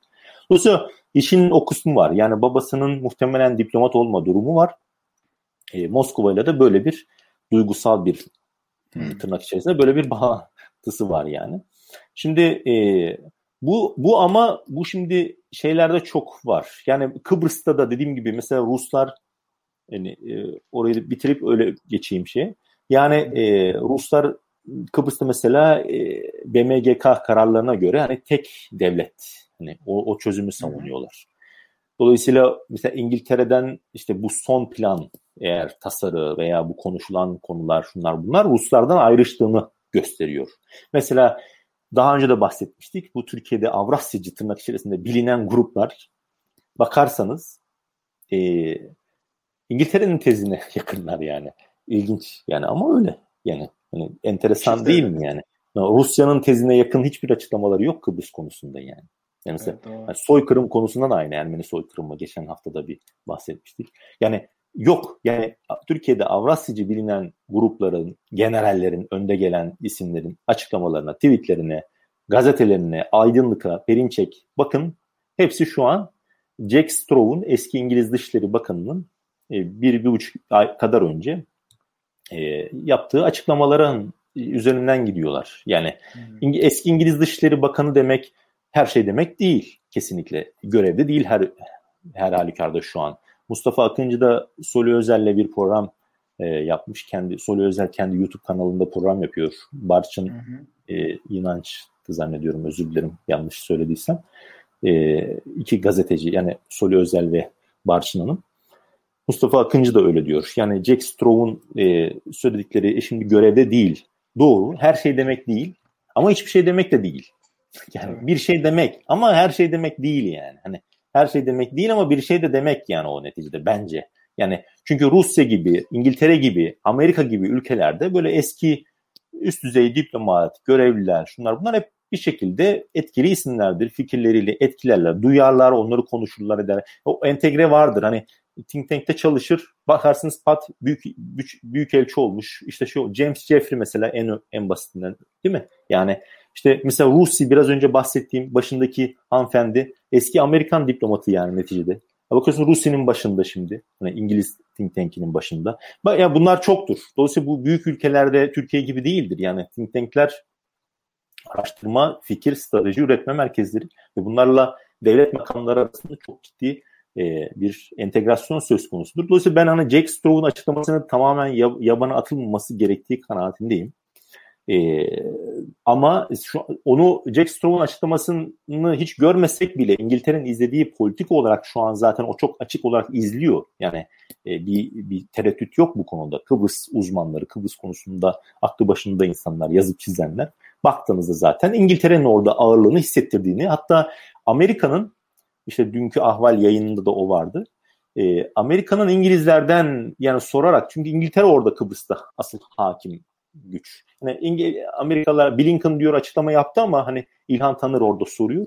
Hmm. E, Blinken, Blinken birkaç ay önce açıklama yaptı Kıbrıs konusunda ama yani şey değil o. Yine İngiltere ile birlikte uyumlu bir şekilde gidiliyor orada yani. Amerika orada İngiltere üzerinden o politikasını yürütüyor. Yürütüyor, yürüttüğü anlaşılıyor zaten. Dolayısıyla hı hı. ama mesela Türkiye'de Avrasyacı bilinen grupların baktığınızda hep söylemleri yani Suriye'sinden, Kürtlerden mesela İdlib konusunda mesela Erdoğan'ı zorlayıcı hiçbir adım atmıyorlar. Mesela yani İdlib konusunda somut, sözel, retorikli kastetmiyorum. Retorikte dersiniz Esad'la barışın, Esad, Esad, Esad diyebilirsiniz. Ama somut olarak attıkları hiçbir adım yok İdlib konusunda. Türkiye'de Avrasyacı olarak bilinen, Perinçekçi olarak bilinen grupların tamamen Rusya'nın karşısında yer alınıyor, alıyorlar o anlamda somut olarak baktığınızda. Kürtler meselesinde aynı şekilde. Libya meselesinde aynı şekilde. Doğu Akdeniz meselesinde Cihat Yaycı'nın kendi açıklaması var. Ruslar Gürcü, e, şeydeki Yunanistan Büyükelçiliği üzerinden Yunanistan'ın tezlerine yakın bir açıklama yaptıktan sonra Cihat Yaycı ne kadar Avrasyacı o ayrı bir konu ama gelinen noktada öyle bir e, şeye hizmet ettiği için söylüyorum. Yani Erdoğan'ın ittifak halinde Perinçekçilerin de nispeten kabul ettiği bir isim olduğu için söylüyorum yoksa şey değil. Hani veya işte Mavi Vatan savunucuları Cem Gürdeniz şusu busu e, veya birçok Perinçekçi ekip destek verdiği için söylüyorum. Arkamızdan bıçakladı diye Rus medyasına verdiği bir e, görüş vardı şeyin. Hani Cihat Yaycı'nın Rusların e, Yunanistan Büyükelçiliği üzerinden yaptığı açıklama sonrasında. Veya işte uzatıyorum. Bu, bu arada bir soru, soru şey soru gelmiş de yani mantıklar böyle komplo teorisi de olur. Bilmiyorum belki gerçek de olur. Roger Moore diye bir İngiliz efsane oyunculardan birisi var. James Bond karakterini canlandıran. Bunu diyor Richard Moore'dan alakası var mı diye bir soru gelmiş ama bilmiyorum ben açıkçası. Soy isim benzer. Ben de bilmiyorum. Yani ben de bilmiyorum. Evet, buyurun devam edin. Ee, yani burada e, hani baktığınızda Karabağ'da aynı şekilde Rusya'nın karşısında yer alan politikaya destek verdiler. Ukrayna'da aynı şekilde iş işten geçmiş. Mesela geçen gördüm Berinçik açıklama yapıyor ama iş işten geçti. Ukrayna'da zaten durdu. Bu açıklamayı yapacağınız e, zaman e, bir ay öncesiydi. Ukrayna'da Erdoğan'ın e, hani Ukrayna'da taşeronluk görevi üstlenme meselesini yapmanız gereken açıklama hani yapacaksanız bir açıklama bunu önceden yapacaktınız. İş işten geçtikten sonra açıklama yapıyorsunuz. Yani hani baktığınızda Kıbrıs'ta aynı şekilde şu anda da e, Türkiye'de Avrasyacı olarak bilinen grupların İngiltere'nin izlediği politikanın hiçbirisine aykırı bir e, tutum sergilediğini görmüyorsunuz. Bu çok net yani. Bu iç politikada da aynı şekilde. Mesela Riyaset'in haberinde yazıyor. İslamsi prapavetnik diyor. Fethullah Gülen hakkında diyor ki İslami din adamı diyor. Mesela. Perinçey'in Avrasyacı olarak bilinen grupların söylemine mi yakın o, öbürüne mi yakın? Yani hmm. hani neye yakın? Hani anlatabiliyor muyum? Kürtler meselesi, iç politika, Ermeni meselesi, iç politika. Yani baktığınızda iç politika da dahil, dış politika da dahil biraz önce bahsettiğim bütün kritik noktalar hiçbirinde Perinçekçi grubun, Avrasyacı grubun İngiltere ile ayrı gayrı düştüğünü görmüyorsunuz. Ama Rusya ile hakikatte e, yani sahada aslında tamamen e, farklı politika, zıt politikaya destek veriyor. Rusya'nın karşısında yer alan politikaya destek veriyor. Bu Avrasyacıları konuştuk. Tekrar tekrar girmeyeyim. Hı hı. E, ama bu Kıbrıs meselesinde daha net görüş gözüküyor. Yani şimdi Moore'un e, meselesine, Moore geçen e, şey yaptı. E, Times Radyo'ya Times Radyo'ya e, 32 dakikalık yine YouTube'da var. İzlemek isteyen izleyebilir. 32 dakikalık bir görüş, e, bir e, mülakat verdi. Röportaj yapıldı. E, çok ilginç. Ben de izledim. gazeteci diyor zaten en başında diyor ki yani siz diyor buraya diyor kim getirdi diyor yani biz diyor sizi çağırdık ama diyor aslında sizin geleceğinizde yani o mealde konuşuyor diyor ya Times, ilk defa diyor Times Radio e, İngi, Times, İngiltere mi yoksa İngiliz, ee, evet İngiliz, İngiliz, İngiliz radyo. Yok, İngiliz radyosu. Ee, tamam. E, Times'ın herhalde, Time'ın herhalde radyo kısmı benim anladığım Hı-hı. kadarıyla. Ama bakabilir, bulabilirsiniz. Tamam. Diyor ki yani biz diyor sizi çağırdık ama diyor. Yani mealen onu söylüyor. Yani diyor aslında diyor 100 küsür, 117 yıllık mı, 118 yıllık diyor MI6 tarihinde diyor ilk defa diyor kamuoyuna diyor röportaj veren diyor başkansınız siz diyor Moore diyor Sayın Moore diyor. Yani Moore hangi rüzgar strateji diyor zaten ama biraz daha open minded takılıyor yani, biraz daha böyle. Aa, işte ben de şimdi oraya geleceğim. Yani şimdi bir tuhaflık var şimdi bakın da. Yani bir e, e, parçaları birleştirdiğinizde o tuhaflık e, insanı daha da farklı şeye götürüyor. Yani daha da e, var yani. Bu muhtemelen bunun daha gelecektir. Devamı gelir. Şimdi orada hmm, şimdi diyor ki yani biz diyor sizi çağırdık ama ilk defa diyor kamuoyuna çıkıp diyor görüş veren diyor. Böyle diyor mülakat veren, röportaj veren diyor MI6 şefi oldunuz siz diyor tamam mı? İşte o, o da öyle oldu diyor. Ne yapalım kader bizi buraya taşıdı falan tarzında. Sonra Şimdi e, ilginç, çok ilginç. Mesela Moore çok şeydir. Hmm, yani ben de o şekilde kamuoyuna açık olarak herhalde bir veya iki defa izlemiştim e, bir toplantısında. Ama çok hatırlamıyorum. E, yani böyle şey tam belli yani Putin gibi. Hani Putin böyle renk vermez. Hani poker yüzlü derler ya poker suratlı.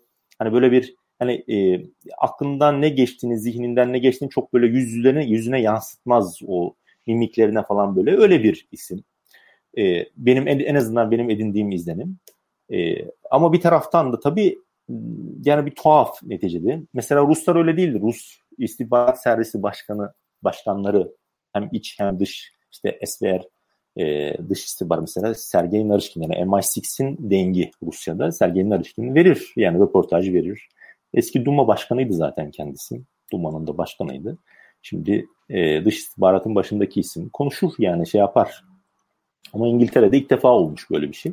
Şimdi e, Moore orada hani konuştuğu çok şeyler var da ben hani önemli gördüğüm için Rusya kısmı açısından mesela Ukrayna meselesine geldiğin hani ondan önce şuna geleyim. Mesela diyor ki orada siz diyor gazeteci diyor siz diyor tweet falan da çok atıyorsunuz diyor yani. Hani e, normal değil diyor. E, bir istihbarat başkanı için falan diyor. Ya diyor ben diyor Türkiye'de de çok atıyordum diyor o da. Türkiye'de görev yaptım diyor. Türkiye'de de diyor e, işte oradan da şey yaptım. O da diyor niye atıyorsunuz diyor tweet falan diyor. Yani hatta hani e, Moore böyle e, trollere falan da cevap da veriyor.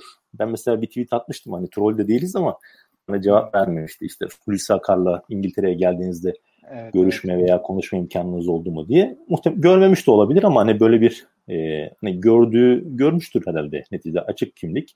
Ama hani trollere de mesela geçen gördüm işte İngilizce yazmış Ramazanınız mübarek olsun diyor. Sonra trollün birisi yazıyor orada veya isimsiz bir hesap diyor Türkçe konuş Richard diye yazmış. O da sonra tekrardan Ramazan bayramınız mübarek olsun diye Türkçe de yazıyor ya. Yani şimdi böyle bir isim.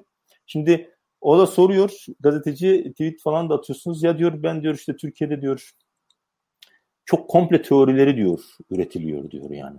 Çok komple teorileri üretiliyor.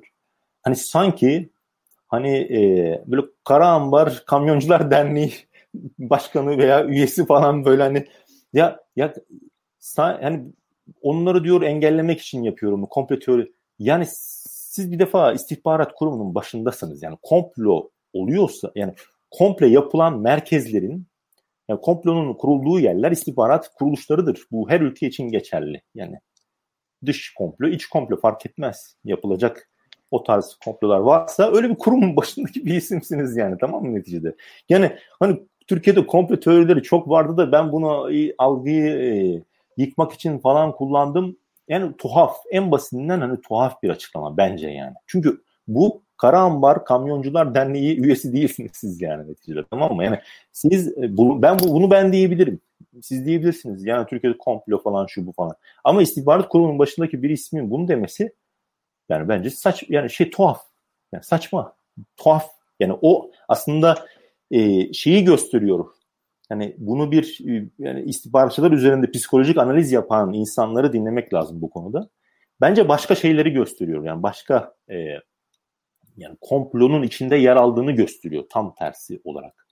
İşte diyor ki Türkiye'deki UK'ye karşı, Birleşik Krallığa karşı algıyı işte güzelleştirmek için falan filan. Yani komik yani şey değil. Mesela geçen Ertuğrul Özkök, Ertuğrul Özkök e, tırnak içerisinde hani gazeteci olarak bilinen Türkiye'de isimlerden işte hayvan sevgisi üzerinden hani böyle İngilizler hayvan sever.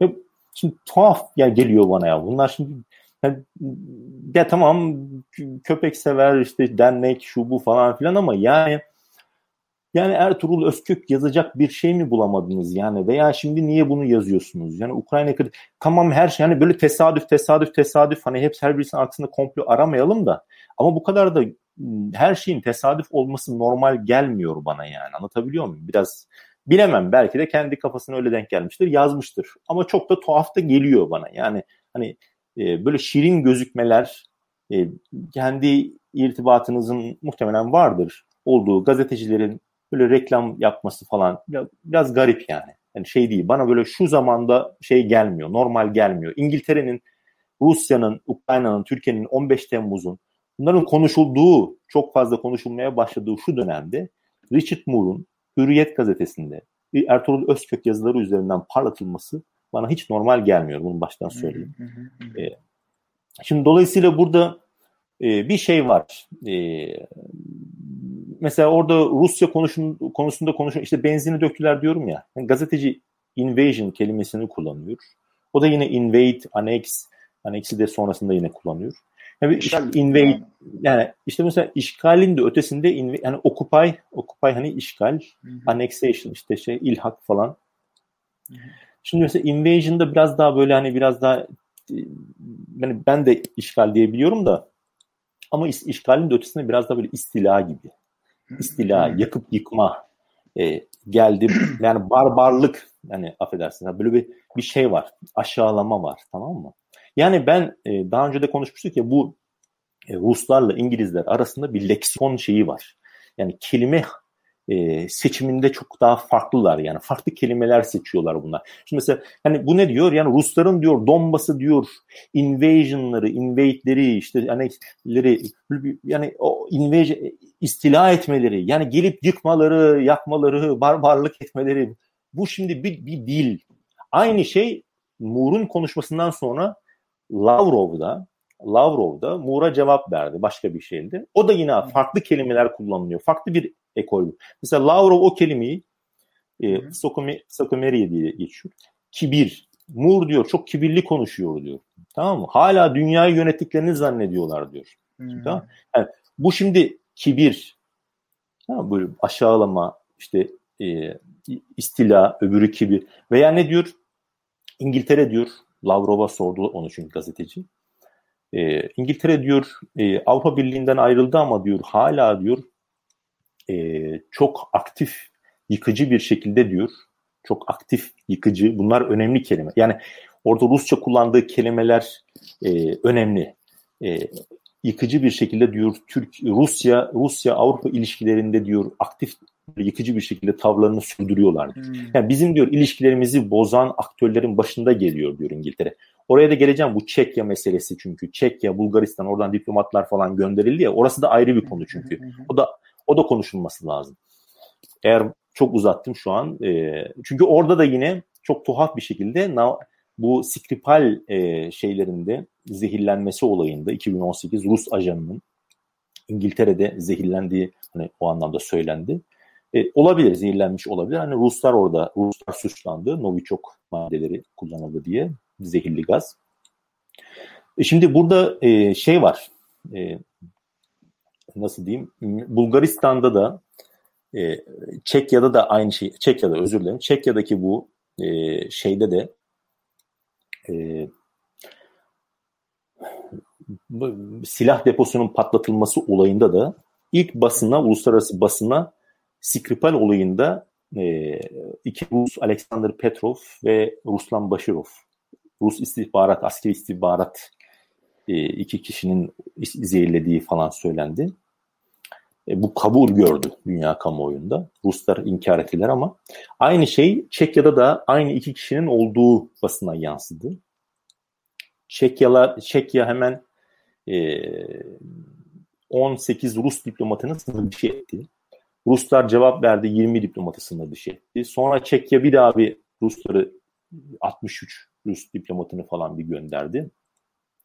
Şu an Çekya ile e, Rusya arasında müthiş anlamda e, ilişkilerde bir gerginlik var tamam mı?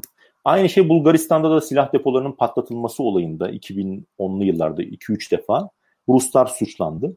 Ama bugün Çekya Cumhurbaşkanı, e, Çekya Başbakanı Ruslarla diyor artık diyor bir bir sakin kafayla düşünmemiz lazım. Çok gerdik olayı diyor.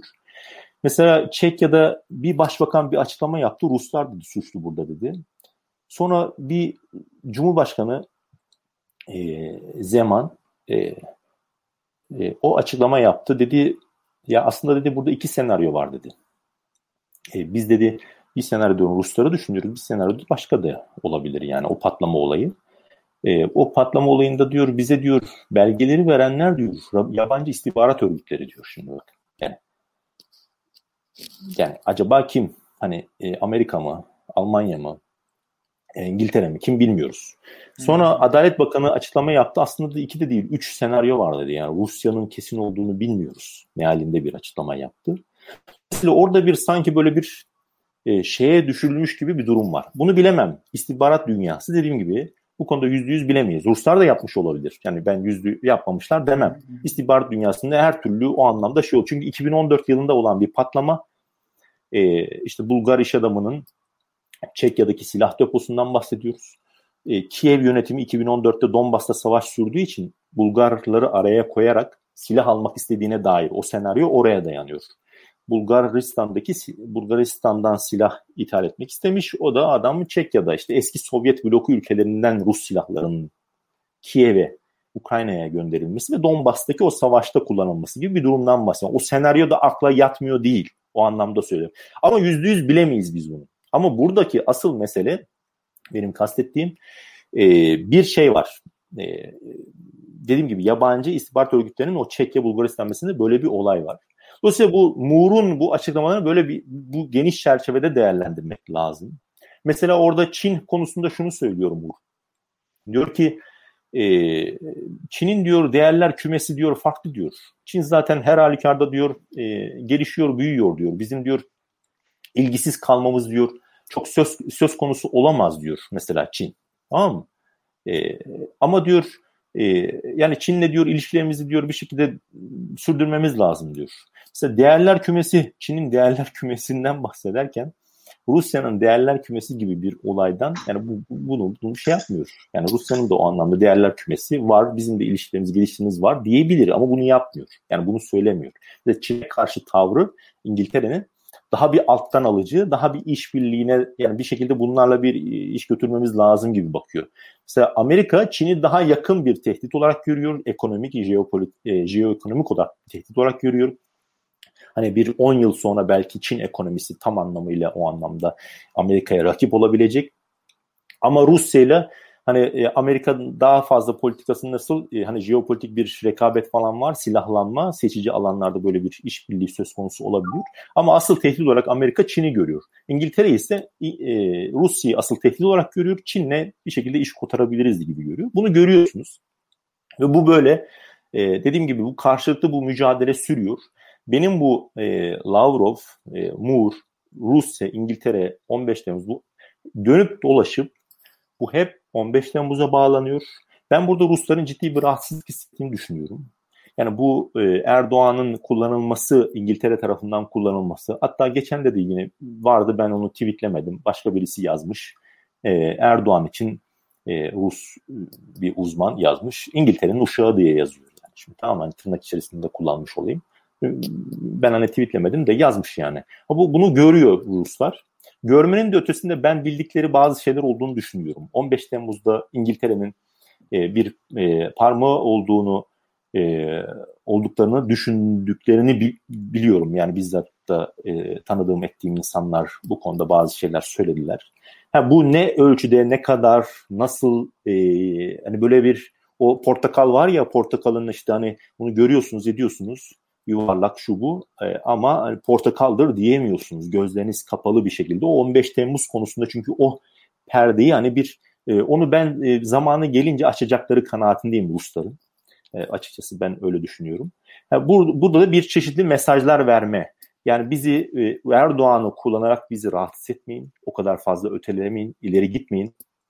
Bazı şeyleri açabiliriz, bazı şeyleri dosyaları açabiliriz şeklinde. Ha, bu konuda İngilizler de kendilerine göre onlar da kendi politikalarını, çıkarlarını izliyorlar. Dediğim gibi ben burada ille de yani, hiçbir yani öyle İngiltere, İngiliz bir hiçbir düşmanlığım, negatif duygum yani açıkçası. ırkçılık falan yapacak öyle bir durum, öyle bir karakterde birisi değilim. Beni bilen bilir. Sadece ben siyaseten değerlendiriyorum. Kimse de yanlış anlamasın. Ama Rusya ile İngiltere arasında devam eden mücadelenin ucu e, 15 Temmuz'a ve Erdoğan'a bir şekilde çıkıyor, dayanıyor. Yani bunu net olarak söyleyebiliriz. He, bu ucunu bize ne zaman gösterirler, e, ne zaman çıkarırlar tam anlamıyla. Bence bu olacak olan bir şey. Biraz daha zaman geçmesi gerekiyor. Bu biraz da böyle e, Rusya'nın hani hayati çıkarlarının işte Ukrayna gibi burada savaş ne olur ne biter. Bunu biraz izlemek lazım. Hani o hayati çıkarlarına zarar vermedikçe de e, o dosyayı da hani kaldırmak istemeyebilirler. Yani Ruslar açısından bakılınca. Çünkü Erdoğan bir taraftan hani sadece İngiltere'nin isteklerinin, taleplerini yerine getiren bir politika izlemiyor. Aynı zamanda hani boncuk da dağıtıyor. Ruslara da veriyor, Almanya'ya da veriyor, öbürüne de veriyor, başkalarına da veriyor. Yani o e, boncuk dağıtmayı sürdürdüğü müddetçe de hani e, o anlamda da e, böyle çok da şey olmamak lazım, heyecanlanmamak lazım. Ama bu bu konuda bir rahatsızlık bir şekilde değil mi? Ucu oraya dayanıyor. Bunu belirtmiş olayım, uzattım. Evet, evet. E, programın sonuna gelirken bir tane bir soru vardı onu alacağım. Biraz da böyle eleştiri gelmiş. E, daha doğrusu eleştiri değil tavsiye gelmiş izleyicilerden. Şöyle bir söz verelim o zaman. Bir programı sadece soru cevap yaparız. Hatta ön, bir hafta öncesinde anonsunu yaparız. Hazırlarlar soruları bize seçeriz. Ona göre hem canlı yayın esasında hem de canlı, canlı, canlı yayın öncesinde seçip öyle bir programda yaparız. Öyle bir istek var gördüğüm kadarıyla. Bir tane soru iletip onu cevaplamanızı isteyeceğim. Sonra da kapatalım bu hafta yayını. Tamam. Özür dileriz. Yani çok sorulara cevap veremedik bu hafta. Ama bir telafi yayını yapacağımızı sözünü vermiş olalım. Ee, ilginç bir soruydu. Rusya'nın kendine böyle ebedi dost olarak gördüğü bir ülke millet var mı? Yok. Yani öyle görmezler etmezler. Yani hani o çok deyim vardır ya hmm, Rusların iki müttefiki vardı. Üçüncü Alexander'ın söylediği. Birisi ordusu, diğeri flot e, donanması diye. Hani iki müttefiki bunlar. Yani üç, dördü de eklediler sonrasında. Dediler işte birkaç sene önce onun muhabbeti yapıldı. Üçüncü müttefiki e, Rus Hava Uzay Kuvvetleri hani ordusu donanması işte Suriye Savaşı başladıktan sonra üçüncü müttefiki Rusya'nın Rus Hava Uzay Kuvvetleri dediler. Çünkü hava bombardımanları şu bu falan. E, dördüncü müttefiki de Rusya Bilimler Akademisi dediler. O da e, çünkü işte çok fazla Suriye, Arap yani o yani bu konular konuşulduğu için Rusya'nın Orta Doğu'ya dönüşü şu bu. İşte Rusya Bilimler Akademisi orada mesela Vitali Naumki'nin çok etkinliği var. Diğerlerinin de var. Yani Şarkiyat Enstitüsü'nün ötesinde Rusya Bilimler Akademisi genel olarak e, her ne kadar orada bir yapılanmaya da gidiliyor şu an. Ama bunları dediler. Yani Rusya'nın öyle bir müttefiki yani Ermenistan işte Belarus falan diyoruz. En çekirdekte bunlar yer alır. Belarus, Ermenistan.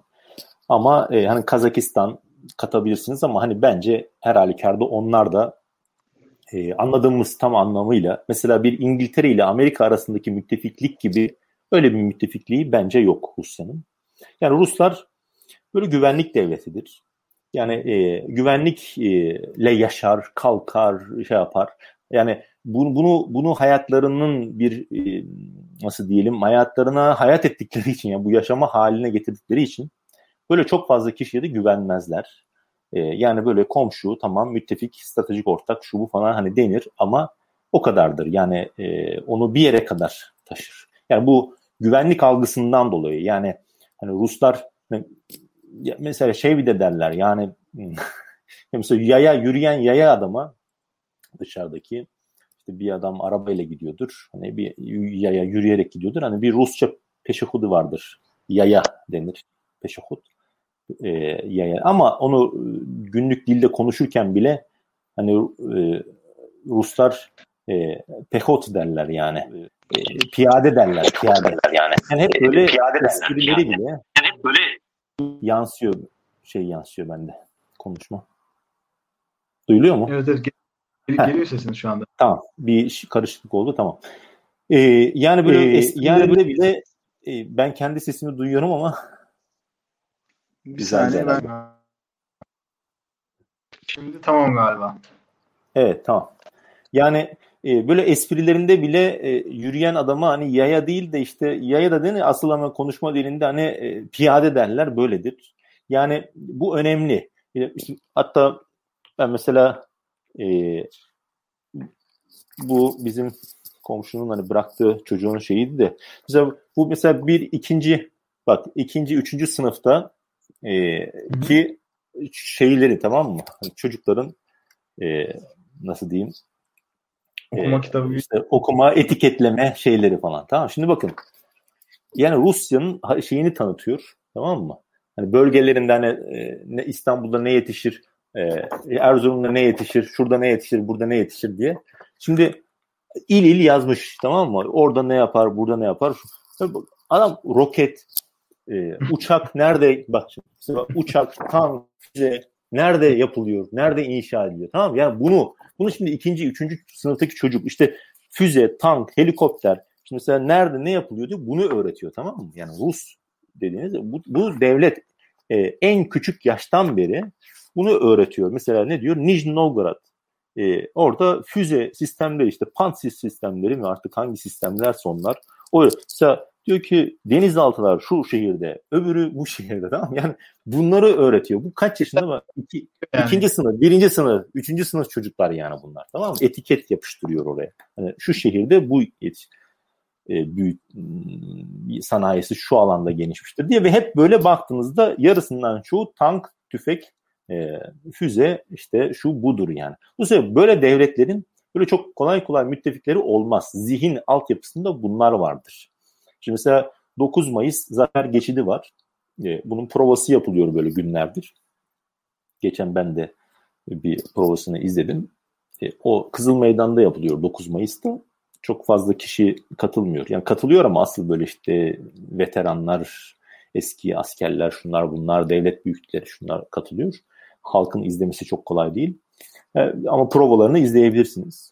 Yani e, soktukları Kızıl Meydan'a 2021 yılındayız tamam mı? 2021 yılındayız. Topol M füzelerini sokuyor tamam mı? Yani böyle 20 metre mi artık kaç metre bilmiyorum. Yani kocaman yani bu Topol M yani Kızılay Meydanı'nda Düşünün yani o uluslararası bilmem ne kıtalar arası kaç bin kilometre menzili füzeyi gösteriyor. Veya New York'ta, Manhattan'da işte e, Amerika'da, Amerika'nın da var füzesi yok mu ya? Onun da daha iyi var belki yani. Bunu ama göster bu zihin altyapısı önemli. İngiltere'nin yok mu füzesi yani? Var ya neticede Big Ben'in orada gezdiremez mi? Gezdirebilir. Ama onu gezdirmiyor. Dolayısıyla bu zihin altyapısını bunu iyi e, gözlemlemek lazım.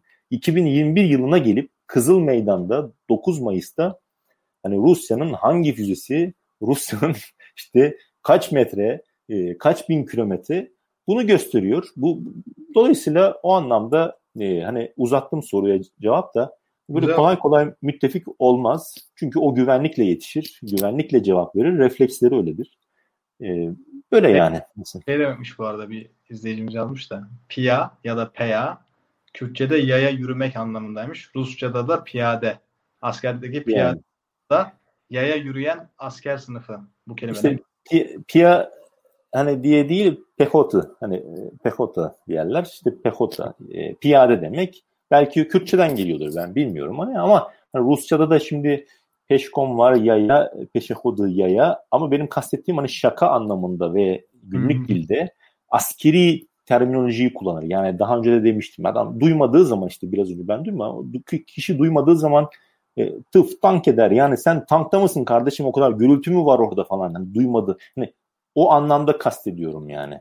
E, Kürtçeden de geçmiş olabiliriz. Çünkü o coğrafyada da hatta Erzurum'da falan kartol falan derler yani şeye işte patatesi kartofeldir hani Rusçası. Almanca'da da kartofel. Efendim? Almanca'da da kartofel. Ha, o Almanya'da vardır zaten çok Rusça kelime oralarda da. Dolayısıyla hani yani o anlamda o vardır. Biriyle birilerinden oradan ondan geçmiştir dil yapısı vardır. Ben askeri güvenlik zihin altı anlamında söylüyorum. Yani o Zelenski 75 bin asker var falan dedi. Ben, ben daha çok olduğunu düşünüyorum açıkçası. Ama bunu e, Ruslar Donbas'ı ilhak etmek istiyor anlamında değil. Ben dedi biraz önce açıkladım zaten hani uzatmayayım. Böyle yani e, öyle cevap vermiş olayım. Evet. Bir daha hatırlatmış olayım çünkü bayağı bir kızmış olanlar da var bu hafta. Yapalım bir, tamam. Soru cevap. Hafta için yani önümüzdeki hafta için bir aksilik olmazsa bir özel soru cevap yayını hazırlamayı planlıyoruz. Onu duyurusunu yapmış olalım. Peki çok teşekkürler Kerim Tekrar yine önümüzdeki hafta görüşmek tamam. üzere. Ben teşekkür ederim. İyi geceler herkese. İyi akşamlar.